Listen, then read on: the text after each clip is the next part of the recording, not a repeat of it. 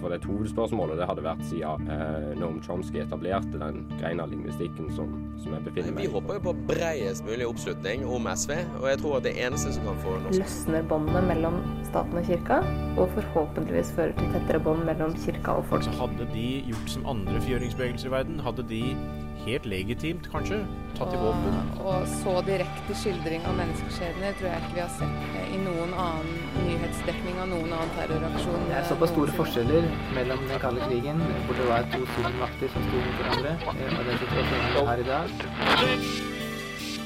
Du hører på samfunns- og aktualitetsmagasinet Opplysningen 99,3 på Radio Nova.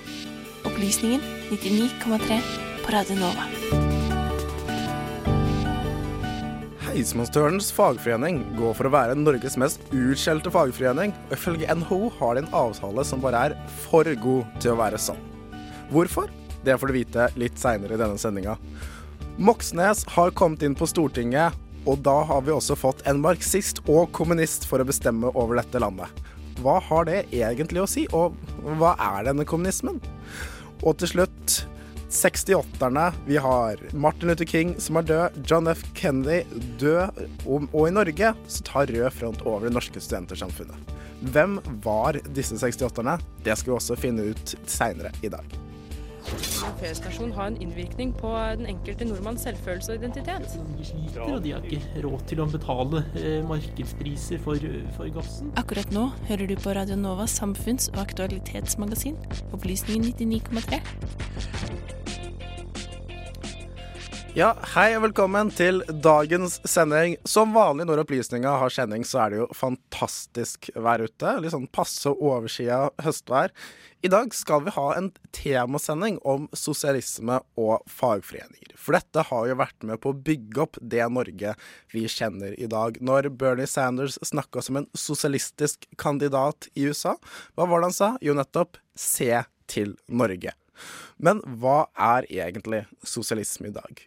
Før så kunne du ikke gå på Blindern eller blant andre, ungdommer uten å finne både kommunister og sosialister overalt.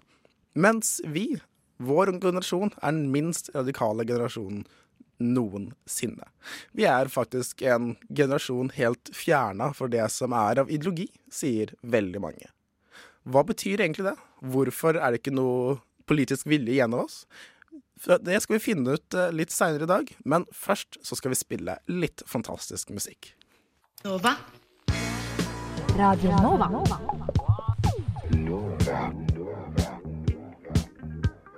Du hører på Radio Nova. DAB, nettspiller og mobil. For noen dager siden kunne vi høre Støre gikk ut og sa at vi har et alvorlig problem med norske fagforeninger. I bygg- og anleggsbransjen så er organiseringsgraden noen steder nede i hele 10% Beskrevet som amerikanske tilstander hvor den norske trepartsmodellen er fullstendig fraværende. Retten til å organisere seg er en av de viktigste rettighetene i norsk arbeidsliv. Men likevel så ser vi at mange fagorganisasjoner har synkende medlemstall. Og i noen, f.eks. som Handel og Kontor, sier at de har i praksis null kontroll over arbeidslivet. En fagforening derimot som ikke har opplevd dette problemet, det er heismontørenes fagforening. Skjelt ut av NHO med beskjed at de har en altfor god overenskomst som nesten ikke er til å tro engang, og som har hatt alltid blir snakket om på LO-møtene i folkemunne som en av den siste store organisasjonene. Og andre derimot vil si de rett og slett er spesialister på konflikt. Velkommen til oss, Markus Hansen, leder i Heismotørens fagforening. Tusen takk for det. Først og fremst, hvorfor tror du dere har klart det å stå imot organisasjonstapet når alle andre synker så kraftig? Jeg tror først og fremst så er vi kanskje ikke spesialister på konflikter, men vi er spesialister på å vinne konflikter. Og det ligger jo mye strategi bak den tankegangen der. Men eh, jeg tror vi har liksom klart å på en måte holde oppe engasjementet da, i på en måte gruppa Heismontørenes fagforening. Eh, vi er veldig avhengig av klubbene våre. Det er de som utgjør selve Heismontørenes fagforening. Det er klubbene som er vår styrke. Så det å opprettholde sterke klubber det, det, utgjør at vi blir en styrke samla sett. Og selvfølgelig den bekymringa som du nevner i byggebransjen og fagbevegelsen generelt sett, med fallende organisasjonsgrad, det er selvfølgelig, det er selvfølgelig noe som bekymrer oss også. At det, det vil jo gå utover oss også. Så vi kjemper jo liksom en kamp for å opprettholde, men også styrke oss. Det har vi gjort eh, de siste årene hvor vi ser at medlemstallet faktisk øker. For vi, ikke, vi har ikke 100% organisasjonsgrad ennå, men det er et mål. Vi skal komme dit etter hvert. Ja, altså, Jeg må jo spørre, hva er egentlig klubber? Hvordan er eh, fagforeninga organisert? Fagforeninga vår er organisert av eh, hva kan man kalle det, heismontører som jobber i bedrifter. Disse heismontørene går jo sammen og danner så klubber så det blir en heisklubb. For eksempel jobber jeg i en heisbedrift som heter Otis. Så da kaller vi jo klubben Otis-klubben. Veldig enkelt. Så Heismontørenes fagforening består av forskjellige klubber, og det er de som utgjør styrken vår. Ja. Men du sier jo det at du har, at det er spesialist på å vinne disse konfliktene. Hvilke saker er det som eh, er viktige for eh, heismontører i dag? Uh, det er egentlig veldig mange saker. Som veldig mange andre fagforeninger så er vi ekstremt opptatt av sosial dumping, og stoppe sosial dumping. Uh, vi er også veldig opptatt av faget vårt, heisfaget vårt, og våre rettigheter, selvfølgelig. og det vi opplever nå, er at vi har en, fører en kamp på mange fronter. Både mot våre egne bedrifter og NHO, som du nevnte, som ønsker å redusere avtalen vår til et minimum. De vil jo fjerne alt som står i overenskomsten vår, for de mener at den er meningsløst god, som en tidligere direktør sa i, sa i NHO. Uh, så vi kjemper jo en daglig kamp mot å beholde det vi har. Uh, vi skjønner ikke hvorfor vi skal liksom få redusert arbeidsforhold når vi ser at firmaene kan hente ut stadig større profitter og sende ned til de landa hvor de kommer fra. Det er store konsernbedrifter. Så um, vi fører en kamp mot arbeiderfiendtlige EU-direktiver som kommer inn i Norge gjennom EØS-avtalen. Og Vi har jo f.eks. en bestemmelse i overenskomsten vår som vi er veldig glad for. Eh, det er at vi har et forbud mot bemanningsbransjen. Altså Vi har et forbud mot å bruke bemanningsselskaper. Og det er en tekst som faktisk står i en NO-LO-tariffavtale. Og vi ønsker jo å se eh, nå til våren at eh, enda flere fagforeninger og forbund kan hive seg på og kreve det samme forbudet i deres tariffavtaler så vi får en bukt med det uvesenet som bemanningsbransjen faktisk er. For det må jo sies at det er jo også en av grunnene til at vi har klart å opprettholde eh, organisasjonsgraden i Heismodellens fagforening. At vi har klart å holde bemanningsbransjen ute. Og vi har klart å holde, eh, som jeg sa, klubbene sterke uten bemanningsbransjen.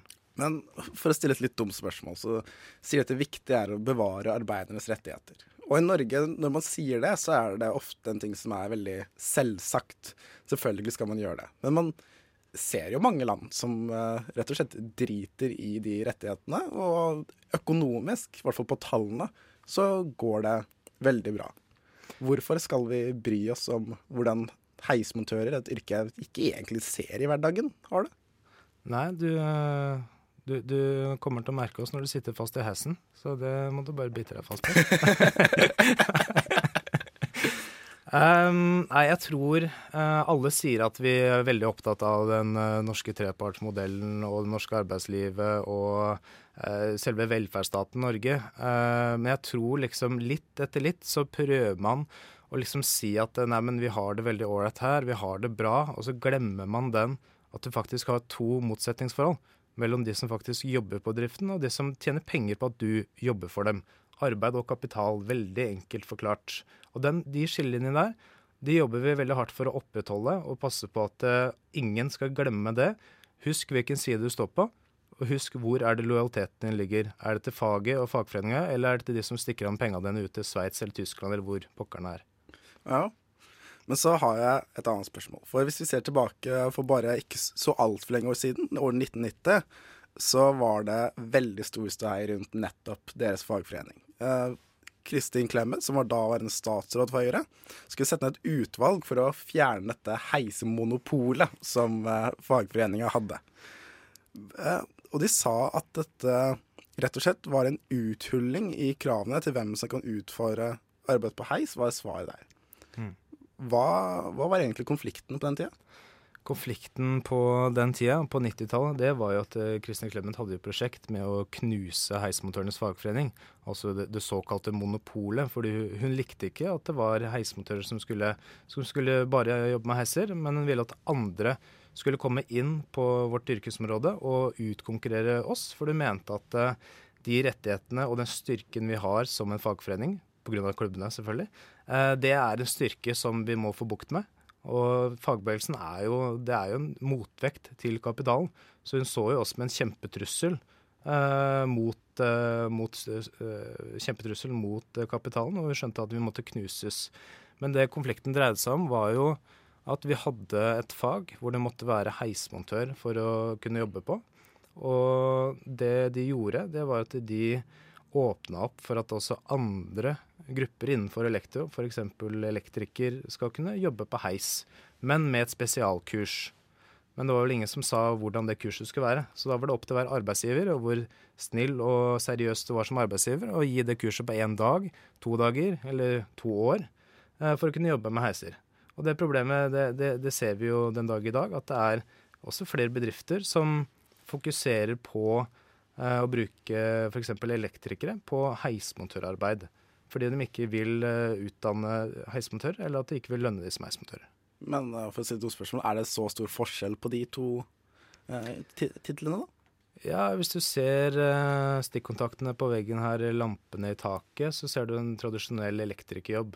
Når du går inn i en heis, som er verdens mest brukte transportmiddel, så er det en vesentlig annet og kan hvis du har montert noe feil, eller hvis du har slurva med sikkerhetsbrytere, så kan det fort gå utover, utover livet ditt.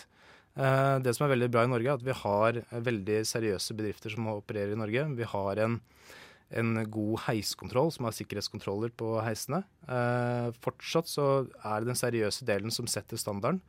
Eh, du trenger ikke dra lenger til Sverige, hvor du ser et, et heissystem som er ute av kontroll. Så man har et system som man ikke Man veit ikke hvor er det heisen er, hvor er det installert, hvor ofte har de kontroll. Så der kan man komme til en heis som ikke har hatt en, en service på sju år. Og så plutselig har det kommet noen som ikke er autoriserte til å jobbe på heisen, og bare skal sette i gang heisen. Og så har de kobla over samtlige brytere, kanskje samtlige dører som er sikkerhetsfunksjoner. Alle dørene må jo være lukket før heisen kan gå, ikke sant. Og det de kanskje har gjort, er at de har kobla over sikkerhetsserien, som vi kaller det. Og da vil jo heisen gå hele tida, selv om dørene er oppe. Og hva kan skje da? Jo, kan det skje fort ulykker. Mm. Så vi mener at uh, faget vårt er en sammensetning mellom elektro og mekanisk. Og det er et helt eget fag. Og da må vi ta en annen diskusjon om vi skal løse opp liksom, alle yrkesfagene fordi at alle ser ganske like ut, for alle jobber i et bygg. Så er det et godt poeng. Men det jeg lurer på da, er jo Altså, dere fikk jo gjennomslag på den tida. Uh, hvis jeg mener, st Står det i notatet her? Du rister på huet? Nei, vi fikk jo ikke gjennomslag eh, for å beholde heisfaget som uh, det faget som skal kunne jobbe på heiser. Mm. Så i dag er det åpent. Så den heisen dere har rett borti gangen her, det kan hende ikke bli arbeida på en heismontør, men av en elektriker som ikke har heismontørfagbrev. Så nå ser jeg at du kommer til å ta trappa etterpå. Da ser vi at den klassiske feilen som ungdomsskolelæreren min advarte mot, ikke stol for mye på Wikipedia. For der sto det faktisk det motsatte. Fordi det jeg skulle spørre om, er at um, jeg har jo vært på mine LO-møter selv, hvor man hele tida hører snakk om denne fagforeninga som har så veldig stor gjennomslagskraft. Uh, og så tenker jo jeg litt sånn Det bygges jo ikke heiser så ofte, vil jeg tro, at det bygges nye. Jo. Virkelig? Det gjør det. Hvis du har sett alle de ja. kranene rundt i byen f.eks., så er det jo som regel en byggeplass, og da er det alltid heiser som skal inn. Fordi Ofte to-tre heiser. Det jeg tenkte på, var på en måte Hvorfor har det så stor gjennomslagskraft? Fordi hvis dere streika, hadde jeg merka det. Jeg tenker liksom samling f.eks. jernbanestreiken i, i fjor, så merka man det veldig godt mm. når konduktørene var ute. Mm. Men hvis heismontøren ikke dukker opp på jobb i dag, er det noe jeg hadde lagt merke til i det hele tatt? Uh, det er ikke sikkert du hadde lagt merke til det. Altså Det vi ønsker ved, når vi streiker, det er jo ikke ramme uh, tredjepart som deg selv. Altså Når vi streiker, så er det for å ramme arbeidsgiverne og NO. Så vi er jo en oppfatning at du skal jo ikke rammes av streika. Mm. Så hvis du ikke hadde merka at vi var ute i streik, så hadde vi klart å få gjennom det vi ville da. Men uh, hvorfor har dere i hvert fall rykte på det, da, for å ha så stor gjennomslagskraft i så fall? Uh, vi stiller jo veldig sjelden krav som vi ikke er villige til å streike for. Altså Når vi går til tarifforhandlinger, så stiller vi krav som er gjennomdiskuterte blant alle medlemmene våre. Vi veit at de er villige til å streike for hvert eneste komma som står i den teksten. Eh, den styrken der og den kraften som vi tar med i forhandlingene, den gjør at også at eh, jeg tror at arbeidsgiverne og NHO skjønner at det vi krever, det er noe som virkelig alle står for. Og da har vi også den styrken og den kampkraften i forhandlingene til også å få gjennomslag for det vi ønsker. Så det ser man de siste, siste to tariffforhandlingene tarifforhandlingene også, hvor vi har så å si fått 100% gjennomslag for de kravene våre. Og arbeidsgiverne har forkasta sine krav. Men uh, for sånn, gjør ikke andre fagforeninger også det? At de står for det de krever på samme måte? Jo, jeg tror de gjør det, men jeg tror kanskje vi i litt større grad involverer medlemmene. For vi mener at krafta ligger eh, på gulvet. Krafta ligger i klubbene, som sagt. Det er liksom de små arbeiderkollektivene. Det er der krafta ligger. Det er der, eh, det er der man kan, kan si, ramme arbeidsgiveren hardest. da. For det er sånn man faktisk må vinne gjennom konflikter og kamper. Det er å ramme arbeidsgiveren hvis de ikke vil, som, vil gjøre som vi vil. Ja, ja. Hva er det viktigste for dere framover, for å spørre sånn? viktigste for oss framover er å, å, komme oss til helsike ut av EØS-avtalen. Det er det veldig korte, korte og konsise svaret. Fordi det jeg sa i stad med bemanningsbransjen, er at den er eh, forbudt i vår bransje. Den teksten ligger jo på bordet hos eh, overvåkningsorganet ESA, eh, som passer på EØS-avtalen. De eh, ser på den teksten og mener at den er i strid med et visst direktiv som heter vikarbyrådirektivet. Så vi venter bare på det, at de skal si til oss at uh, den teksten dere har, den er rett og slett uh, diskriminerende for bemanningsbransjen. At dere må slippe bemanningsbransjen til, dere også. For det har vi, det har vi gjort til de andre. Så vi, vi, vi, skal kjempe med nebb og klør, og vi kommer ikke til å fjerne komma fra den teksten. Og det synes ikke veldig synd på bemanningsbransjen som kan gi andre folk arbeid, altså? Jeg syns synd på de som blir pressa til å jobbe i bemanningsbransjen fordi de ikke får jobb et annet sted. De syns jeg virkelig synd på. Mens de som gjør seg rike på andres arbeid, de kan egentlig finne seg noe annet å gjøre. Altså. Ja. Da sier jeg tusen takk for at du kunne komme til eh, studio i dag.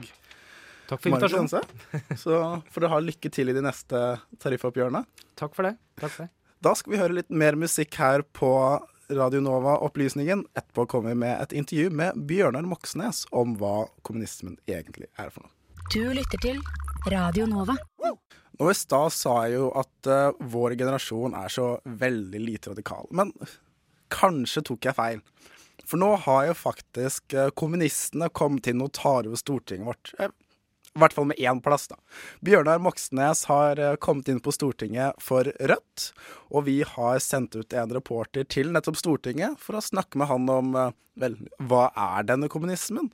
Og hva er det de skal og fjerne på? Og det skal du få lov å høre akkurat nå, her på Opplysningen.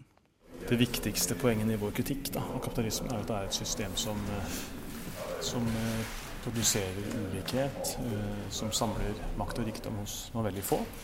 Eh, og fattigdom hos eh, veldig mange. Eh, og dagens situasjon hvor de åtte rikeste enkeltpersonene, som alle er menn for øvrig, eier like mye som den halv, altså fattigste halvdelen av klodens befolkning, det jo, viser jo at vi har helt, fått helt perverse klasseskiller.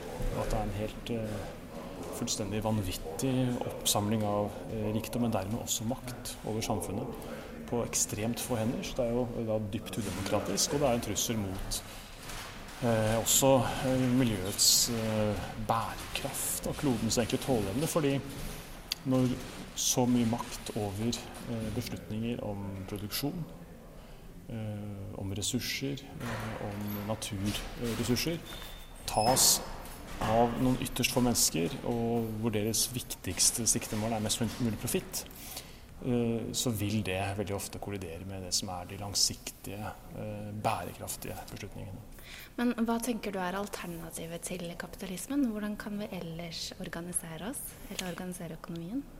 Nei, vi ønsker jo et uh, sosialistisk uh, folkestyre, da, som betyr at, uh, at vi også flytter de viktigste økonomiske beslutningene inn under folkestyrets domene. Og Det betyr at det ikke lenger er sånn at, at beslutninger om finans, altså det som egentlig er blodomløpet i økonomien tas av noen veldig veldig, veldig få eh, forretningsbanker eh, som har enorm makt over hele samfunnet, som vi har sett både med Hellas og Portugal og land i eh, Sør-Europa. At, eh, at, hensynet til inntjening for eierne av eh, forretningsbanker har blitt satt over hensynet til befolkningene eh, i mange land. Så det betyr at vi kort og godt gjør som vi har gjort i Norge med andre samfunnssektorer. At, at før så var var ikke helse en del av, en del av velferdssamfunnet vårt.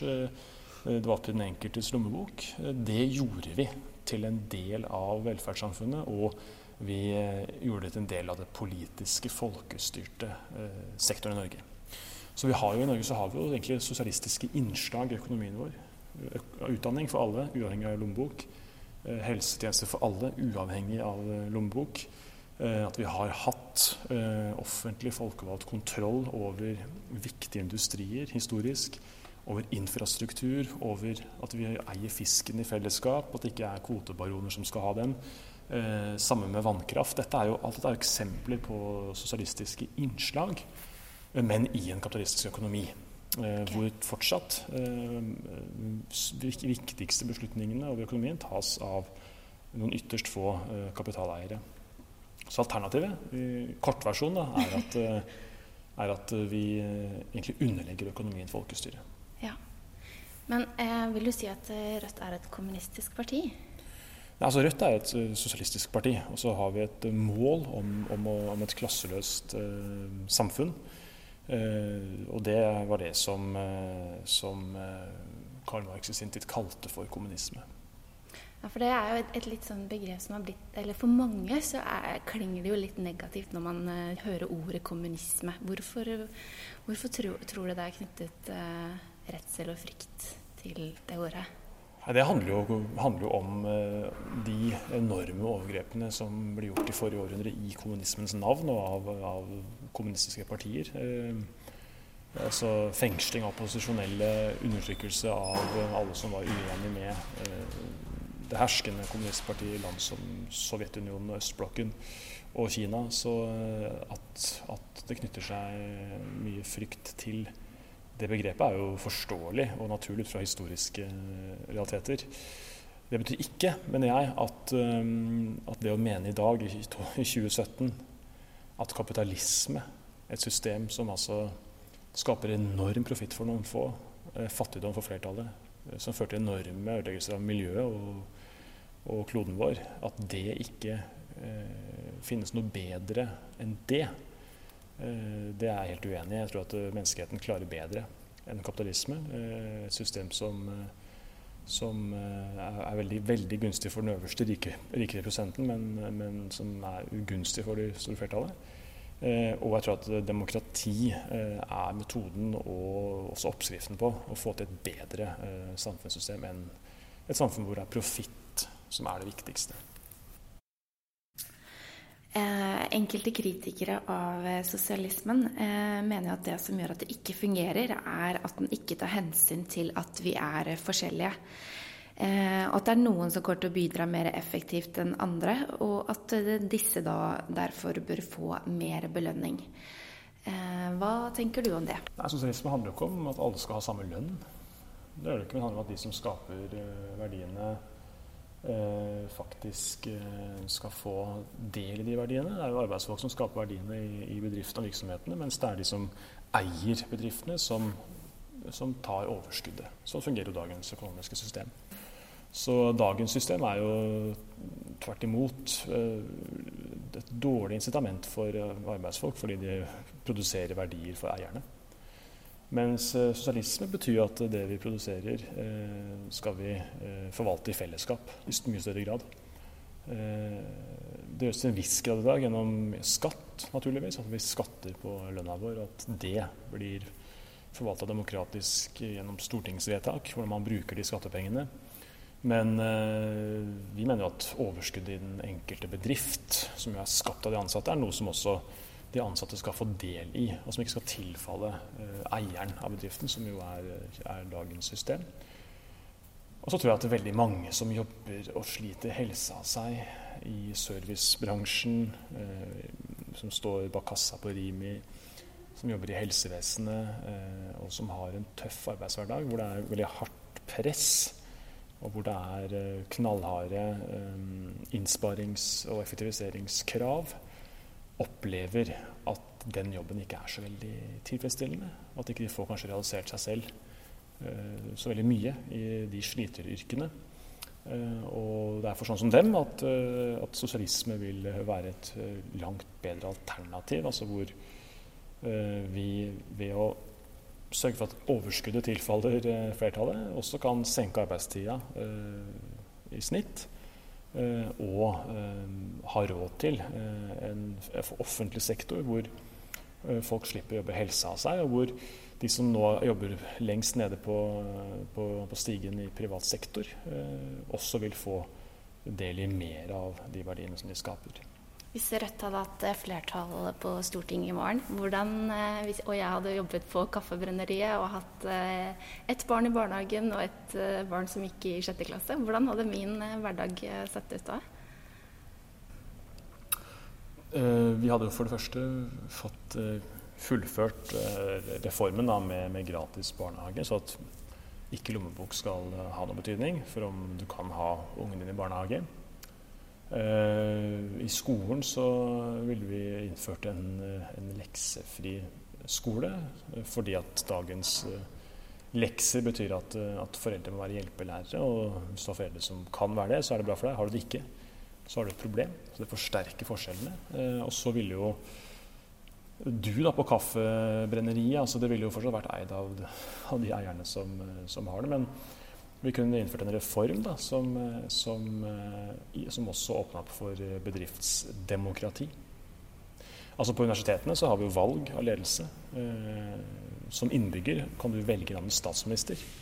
Eh, for det er du myndig til å gjøre. Men det å velge sjefen din, det er åpenbart ikke lov i dagens samfunn. Det er vi ikke i stand til, mener de som forsvarer dagens, dagens rådende system. Vi tenker at Hvis du er i stand til å velge landets statsminister, så kan du også velge sjefen din sjøl. Så du ville fått uh, muligheten til det. Vi ville innført en reform som sikrer at de ansatte uh, på Kaffebrenneriet kunne velge ledelsen sin. Men uh, Det høres veldig fint ut. Men er drømmen om et fullstendig sosialistisk samfunn en utopi? Er det gjennomførbart? Norge har kommet langt da, i, i retning sosialisme. Og det vi har fått til her, de landevinningene vi, vi skapte med både å bygge landet gjennom en, en, aktiv og offensiv statlig næringspolitikk. Det var en suksesshistorie. Det var sånn vi eh, bygde grunnlaget for hele velferdsstaten. At vi sikra eierskapet felles offentlig til krafta vår. Brukte den til å utvikle kraftindustri langs hele vestlandskysten vår og i Nordland. Eh, dette er jo eksempler på sosialistiske innslag i norsk økonomi eh, som har vært en dundrende suksess. Det samme med eh, folketrygden, studiefinansiering. At om du har fattige foreldre eller rike, uansett skal du ha rett til utdanning og rett til helsestell. Så alt der er eksempler på at, at det er fellesskapsløsningene som fungerer best. Mens de siste 20 årene så har det blitt reversert. Nå har på en måte høyresidas løsninger eh, vunnet gjennom. Så vi, nå opplever vi jo privatisering, eh, kommersialisering av velferden. Eh, amerikanske tilstander i arbeidsmarkedet hvor folk ikke lenger har jobbtrygghet i mange bransjer. Eh, så vi tester jo ut nå den omvendte løsninga. Den, eh, den, amerikanske modellen med mer marked og mindre fellesskap. Og det fungerer veldig dårlig. Så jeg tror at jeg, har, jeg er helt overbevist om at, at, det er fellesskapsløsningene som er best for samfunnet og for flertallet i samfunnet. Og derfor er jeg også sosialist. 1968. Martin Luther King ble drept. John F. Kennedy ble drept. Praha-vår i Tsjekkoslovakia, opptøyer i Paris, og verden ser en bølge av studentdemonstrasjoner som endte i Mexico med en massakre. Samtidig var det ikke helt det samme i Norge. Uh, her var studentene litt mer vennlige, samtidig som man ser utover tiden at Rød Front har kontroll over norske studentersamfunn og blir anklaget for å være autoritære og stalinistiske. Hvem var egentlig disse 68-erne? Hva var det som gjorde at studentene på den tida var så radikale i forhold til de studentene vi ser i dag? Velkommen til oss, eh, Lars eh, Alden. Det første spørsmålet er eh, egentlig det jeg starter med der. Hvem var disse 68-erne? De kom fra forskjellige sosiale lag også i Norge. Og universitetet hadde jo opplevd en stor ekspansjon hvor uh, folk som kom fra ikke-akademiske hjem, nå mer og mer søkte seg til universitetet. Men jeg tror ikke vi skal begynne hjemlig i Norge med en sånn sosiologisk analyse av de forskjellige aktørene. Jeg tror at vi må innse at studentopprøret er inter, et internasjonalt fenomen. Og når jeg sier internasjonalt fenomen, så er Norge litt utafor. Det eh, er de stedene du nevnte, men så er det også eh, store eh, aktiviteter i USA, fordi at Vietnamkrigen jo griper inn i alle aktiviteter, og amerikanske studenter blir faktisk enkelte steder skutt fordi at de reiser spørsmål om det militære hopehavet universitetene har med Vietnamkrigen og, og våpenindustrien. Og i Frankrike så er jo studentopprøret noe som plutselig utløses, og som får store ringvirkninger ved at også eh, arbeiderbevegelsen går ut i en generalstreik. Men enda viktigere for oss her i Norge var jo hva som hadde skjedd i Tyskland, særlig i Berlin, og studentopprørene der hadde også, som eh, det amerikanske eh, studentopprøret, en tydelig antiimperialistisk eh, preg. Og de ønsket jo å gjøre universitetet til en mer antiautoritær institusjon. Og i Tyskland og USA og Frankrike var det jo et professorvelde som vi ikke hadde her. Og det var også et mannsvelde som vi i mindre grad hadde i Norge. Det fantes masse eh, mannsbastioner i Norge også, men det hele var, som du antydet innledningsvis, eh, veldig store forskjeller mellom det snille norske studentopprøret og gatekampen i Berlin og Frankrike. Men det er en ting jeg alltid lurer på. fordi Hvis man går rundt på Blindern i dag, så vil det være vanskelig å finne noen som er ordentlig, hva skal jeg si, de gamle radikale sosialistene med faner og flagg. Hva var det som gjorde at uh, på den tiden så var det åpent for å være så mye mer radikal enn det man har sett i ettertid? Det var hendelsene ute i den store verden. Vi hadde fått et annet perspektiv på verden enn hva våre foreldre og våre professorer og, og andre jeg holdt på å si, foresatte hadde. Fordi den gangen i 1967, da jeg begynte å interessere meg for Latin-Amerika, så fantes det bare én professor i Norge som hadde vært i Latin-Amerika. NRK hadde ingen Latin-Amerika-medarbeider. Ingen av avisene hadde noen som dekket det. De oversatte av og til noen telegrammer fra de store telegrambyråene, men de hadde ikke vært på stedet eller dekket. For eksempel hadde man ikke noen som kunne noen ting om Che Guevara. Eh, i, i, norske medier, så da var det fritt fram for sånne fusentaster som meg. og da var jeg å spørre, hva var din rolle i dette, egentlig? Jeg kom fra et ikke-akademisk hjem. Jeg kom på universitetet og ble veldig interessert i ja, egentlig var jeg interessert i det også før jeg kom på universitetet, internasjonale forhold. Jeg var den første leder av Operasjon Dagsverk i Norge, og da hadde jeg i 1963 vært i Algerie og sett uh, sporene etter frigjøringskrigen der. Uh, jeg ble opptatt av Sør-Afrika og apartheidregimet, og jeg var opptatt av uh, rasemotsetningene i USA. Og uh, jeg var veldig engasjert i arbeidet mot uh, Vietnamkrigen. Hele Sørøst-Asia sto jo i brann fordi amerikanerne pøste på med kjemiske våpen, med napalm og, og bomberegner regnet over uh, Sør-Vietnam dag ut og dag inn.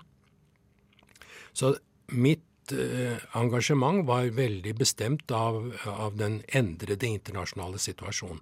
Så studentopprøret eh, var jo i stor grad et antiimperialistisk, eh, en antiimperialistisk frigjøringsbevegelse. Men vi hadde jo ikke noe territorium som vi skulle kjempe for. Vi konsentrerte oss veldig fort om enkelte solidaritetsbevegelser og så var det en antiautoritær komponent som gjorde at man begynte å stille tvi, eh, sette søkelyset på mange andre arenaer i samfunnet. Så det ble jo også en feministisk 68-bevegelse. Det ble en miljø- og naturbevegelse som så på hvordan man holdt på med, med metaller og energiformer og naturødeleggelser. Så det er ikke mulig å sammenfatte dette og si at 1968-bevegelsen var en bevegelse. Det er en bevegelse i den form at den, eh, den, står for et opprør, men den har ikke noe territorium den skal vinne, og den har heller ikke noen ideer den skal gjennomføre. Det spriker ut i alle mulige eh, former. 1968 eh, er uten en tråd av Jens Bjørneboe, og, og, det er demonstrasjoner mot Nato og Vietnamkrigen. Det er kamp for feministiske ideer som lenge hadde man hadde glemt bort. Og det er eh, krav om seksuell og, og, politisk og kulturell frigjøring i alle mulige retninger, hadde jeg nær sagt. Men det er jo én tråd jeg finner her når du snakker, og det er at generelt sett så virker det som folk lener seg mer mot venstresiden. Dette er vel også omtrentlig den tiden som eh, SV, eller i hvert fall oppsto etter splittelsen med Arbeiderpartiet. Sånn cirka, hvis jeg ikke husker helt feil. Uh, og det er med spørsmål Fordi sanne solidaritetssaker finnes jo fortsatt i dag. Uh, du har solidaritet med f.eks. Syria og sånne ting, men ungdom i dag er sjelden så langt på venstresida. Uh, hva var det som gjorde at akkurat den av politikken fikk en, ja, en, så stor oppblomstring? da? Det var nok styrken i eh, de militære kreftene i USA. Vi levde under en kald krig, og du nevnte Praha-våren, men du nevnte ikke Praha-høsten. I 21.8.1968 invaderer Sovjetunionen og de andre Warszawa-paktlandene, unntatt Romania. De invaderer Praha, og folk dør. Studenter brenner seg til døde på eh, en plass i Praha. Eh, I USA hadde mange studenter eh, blitt skutt på eh, campus på universitetene. I Bolivia hadde eh, CIA klart å likvidere Che Guevara i oktober 1967. I Sør-Afrika så døde jo mange pga. at de var motstandere av apartheid og ble regelrett skutt ned. Og dette utløste liksom en opposisjon, og den opposisjonen øh, valgte to framgangsmåter til å begynne med. De valgte provokasjon, og de valgte demonstrasjon. Og demonstrasjon var ikke bare å gå i tog, men det var også å gå hjem til far og mor og si at eh, jeg vil faen ikke ha penger fra dere lenger. Og eh, kvinner sa at nå vil jeg ligge øverst. Så det var mange sånne provokative elementer. Men det underliggende for noen var jo at alt dette måtte følges av en argumentasjon. Man måtte altså på et felles grunnlag si at uh, dette kan vi gjøre på en annen måte, eller vi må forandre sånn og sånn. Og den responsen man fikk fra det etablerte Norge, var helt annerledes enn den responsen man fikk fra den amerikanske presidenten, fra general de Gaulle og fra Brezjnev i Moskva. Så, Hva var skillelinjene der, egentlig? Jo, skillelinjene var jo at eh, de regjerende sosialdemokrater godt hadde hørt lignende ideer før. Og de fant også veier å, å, løse det på. Vi demonstrerte kolossalt mot Ottosen-komiteen, men Christian Ottosen var jo samtidig den som sørget for at det ble flere studentboliger, at det ble billigere å bo i studentboligene, og at bokhandel hadde en høy standard. Så de gamle sosialdemokratene og gamle motagistene de var våre beste støttespillere i mange saker. Og det gjorde jo at folk eh, grupperte seg mer inn mot sentrum, og mer instrumentell politikk. Så er det en annen ting jeg kom til å lure på. For når, sånn når du snakker nå, så virker det som en veldig si, frihetsretta eh, bevegelse. Men når man uh, gjør noe så dumt som bare googler 68-erne, så får man en gang høre at dette er en gjeng med stalinistiske, autoritære sovjetelskere. Uh, og det er også det jeg har fått høre når jeg for moro skyld har spurt uh, folk på gata og noen venner om hvem er egentlig disse. Og hvorfor har det bildet av at Stalin var alt, satt seg for ettertida?